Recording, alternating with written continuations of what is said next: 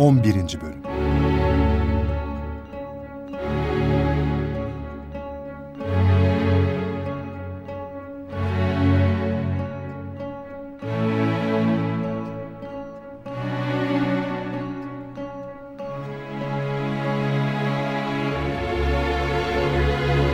Hilafet merkezi Şam'da Abbasiler duruma hakim olunca bazı Emeviler Endülüs'e kaçarlar. Halife Hişam'ın torunu Abdurrahman da Endülüs'e gidenler arasındadır. Endülüs'te yeni bir oluşumun gayretine girer. Şartlar daha ziyade lehinedir. Bazı zorluklarla da karşılaşmıştır elbette.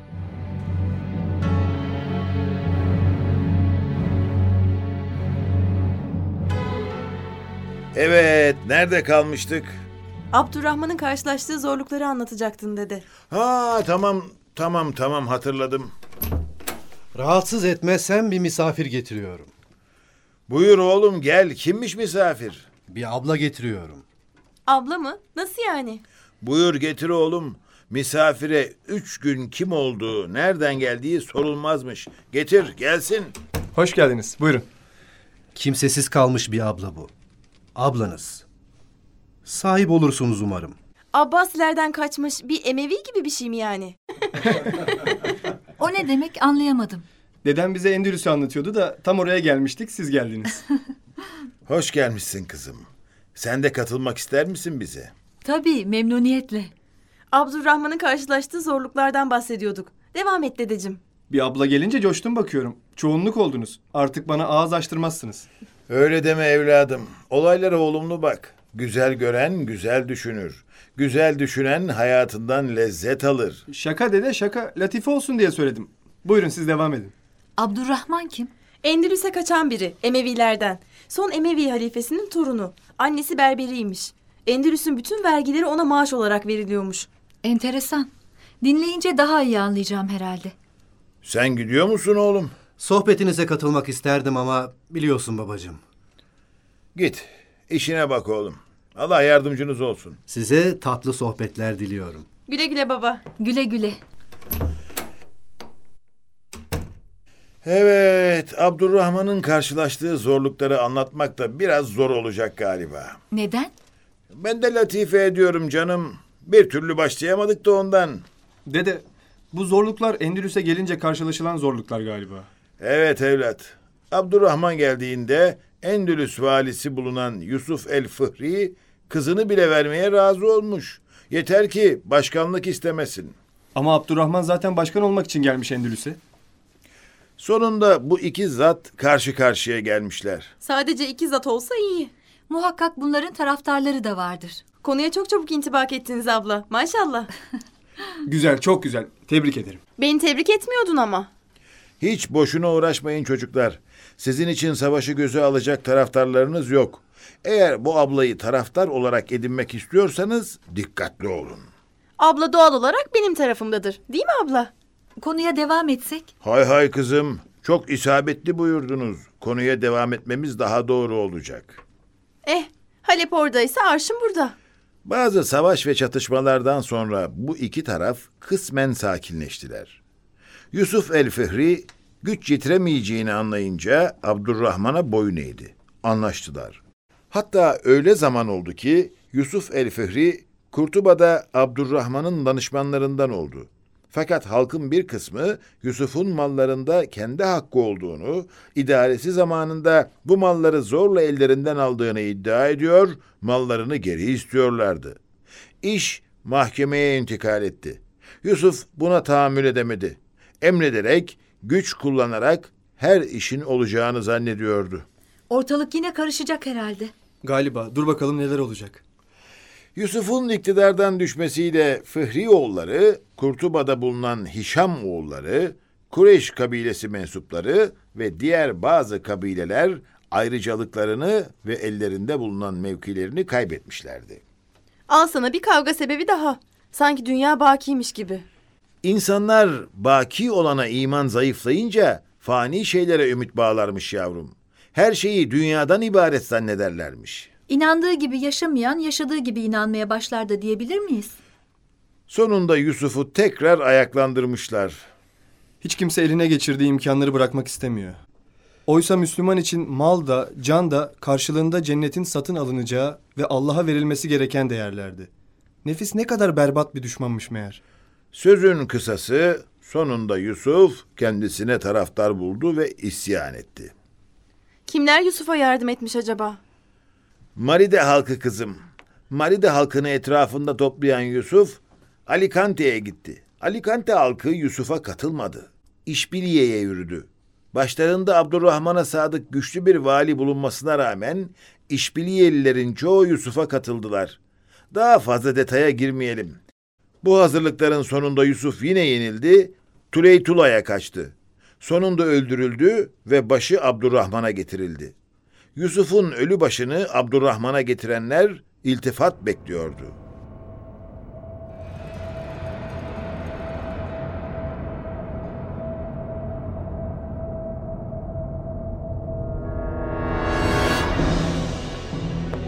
Abdullah bin Ömer el Ensari gelmiş efendim. Sizinle görüşmek istiyor. Bir talepleri mi var? Bilmiyorum efendim. Bir çuval var ellerinde. Ne getirmişler acaba? Kusura bakma. Neden bunları sana soruyorum ki? Al içeri gelsinler.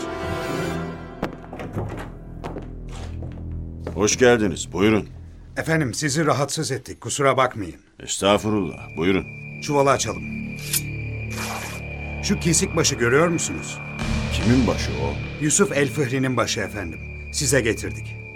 Yusuf Tüleytula'da öldürülmemiş miydi? Evet, Tüleytula'da öldürüldü.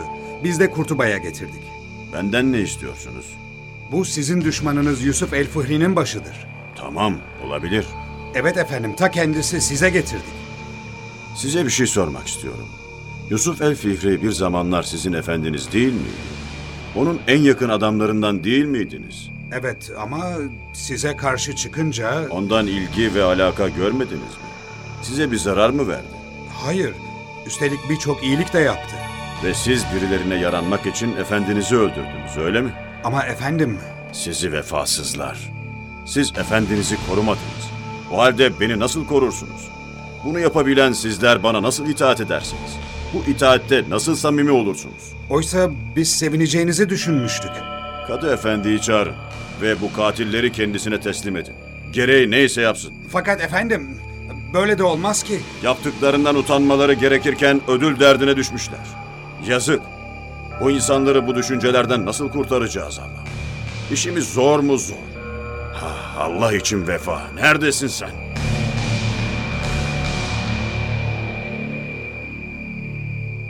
Vay be. Vefa bu kadar önemli demek. Yavuz Sultan Selim'in oğullarından Şehzade Korkut varmış. Kanuni duruma hakim olunca Şehzade Korkut maalesef ölmüş.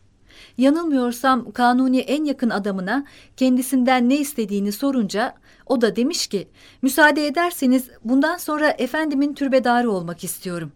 Kader böyleymiş ama ben ona hizmetten ayrılamam. Vay be.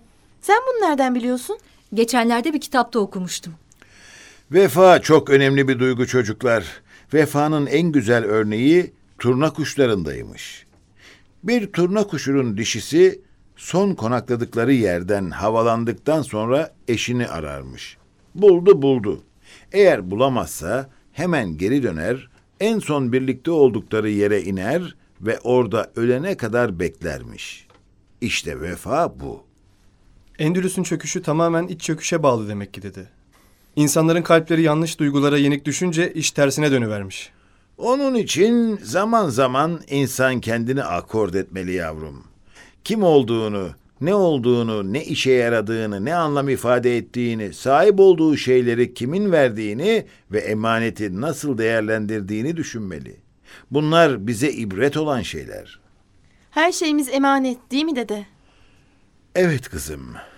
Abdurrahman'ın duruma hakim olması hiç de kolay olmamış. Bu kadar isyanı anlamak mümkün değil dedi. Bunca isyan sadece dünya nimeti için mi yapılmış yani? Abdurrahman devrindeki isyanların bir kısmı siyasi, bir kısmı da hem siyasi hem itikadiydi. İtikadi ne demek dede? İnanç bakımından farklı düşüncelerin yaptığı isyanlardan söz ediyorum kızım. Sonra bu isyanların bir kısmı dıştan kaynaklanıyordu. Mesela bir Süleyman bin Yekzan vardı. Barcelona valisi. Abdurrahman bin Muaviye'nin adamlarına başarılı sayılabilecek tuzaklar kurmuş ve geçici bir de zafer kazanmıştı.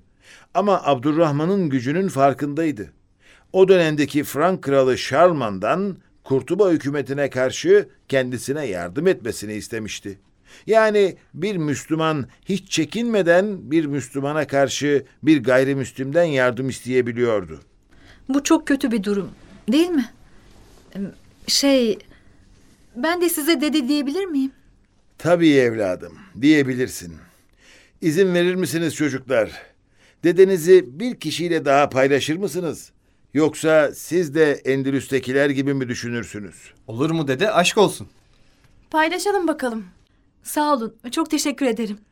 Barcelona valisi Şarman'dan istediğini alabildi mi dersiniz? Bilmem. Saragossa yöneticisi Hüseyin bin Yahya önceleri Süleyman bin Yeksan taraftarı iken Şarman Saragossa'ya saldırınca görüş değiştirdi ve Frank kralı bu hamleden eli boş döndü. Bomboş mu yani? Bomboş değil, boş. Şarman kendisini bu maceraya sürükleyen Süleyman'ı bir çeşit esir olarak yanında götürmüştü. Ama çok geçmeden iki oğlu Süleyman'ı Fransa'dan kaçırdılar. Müthiş maceralar olmuş. Çok heyecanlı. Hüseyin bin Yahya da tek başına Saragossa'ya hakim olabilmek için Süleyman bin Yeksan'ı öldürmüş. Peki Saragossa Hüseyin bin Yahya'ya yar oldu mu acaba? Abdurrahman ordusuyla Saragossa'yı kuşatınca bir hile ile kurtuldu Hüseyin bin Yahya. Kurtuldu ama çok geçmeden Abdurrahman'ın orduları tekrar Saragossa önünde görüldüler. Sonunda halk Hüseyin bin Yahya'yı Abdurrahman'a teslim ederek şehrin zarar görmesini önledi. Peki Hüseyin bin Yahya ne oldu? Abdurrahman Hüseyin bin Yahya'nın yanar döner tavırlarına, tutarsızlığına çok içerlemiş olmalı ki el ve ayaklarını keserek onu ölüme terk etmiş. İtikadi isyanlar nasıl olmuş dede? Maşallah çabuk intibak ettiniz. Dedem senin de deden oluverdi. Hani kolayca paylaşacaktık. Neden itiraz ediyorsun? Ben itiraz etmiyorum ki. Neyse, biz konumuza devam edelim. Ne sormuştunuz kızım? Oh oh. Dedem de kızım demeye başladı. Allah muhabbetinizi arttırsın. İnanç farklılığından kaynaklanan isyanları sormuştum efendim. Fatimiler biraz farklı bir inanca sahiptiler. Endülüs'ün doğusunda oturan Berberi Miknase kabilesinden Şakya isimli bir şahıs, kendisinin Hazreti Hüseyin neslinden geldiğini iddia ederek Endülüslüleri Fatimi daveti etrafında toplanmaya çağırıyordu.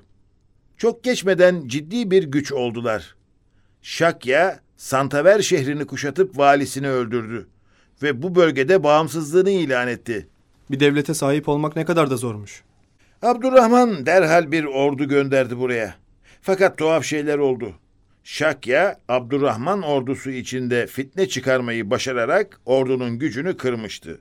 Şakya olayları 10 sene kadar sürdü. 10 sene Abdurrahman'ı uğraştırdı. Sonunda olanlar oldu. Evet. Ne demek istediğinizi anladım dedeciğim. Başka isyanlar da oldu ama isterseniz onların detayına girmeyelim. Mesela daha kaç ayaklanma olmuştur dede? Müsaade buyurursanız kitaptan sayayım. İşbiliye'de 2-3 karışıklık olmuş. Tuleytula'da 1-2. Leble'de 1. Ceziretül Hadra'da 1. Elvira'da, Jan'da, Bejan'ın bazı bölgelerinde ayrıca Muro'da isyanlar olmuş. Ve hepsi de çeşitli şekillerde bastırılmışlar. Neredeyse isyan olmayan yer yok gibi. Bir de Abdurrahman'ın yakınlarından verilenleri yeterli görmeyenler var. Endülüs'te isyan modası pek yaygın canım. Neredeyse önüne gelen isyan etmiş. Bunlar çeşitli vaatlerle Endülüs'e davet edilen akrabalar galiba değil mi dede? Evet oğlum. Elde ettikleriyle yetinmiyor, daha fazlasını istiyorlardı. Keşke gönüller yüce yaratıcının verdiğine ve vereceğine kanaat ederek her bucakta onun hoşnutluğunu arayabilselerdi. Cehennem gibi. Cehennem de içine girenlerle yetinmeyecekmiş, daha yok mu diyecekmiş. Gelin şimdi bu konuyla ilgili olarak o döneme gidelim. Nasıl gideceğiz ki? Hayalen kızım, hayalen. İnsanın hayali ve zihni zaman ve mekanla bağımlı değildir bilirsiniz.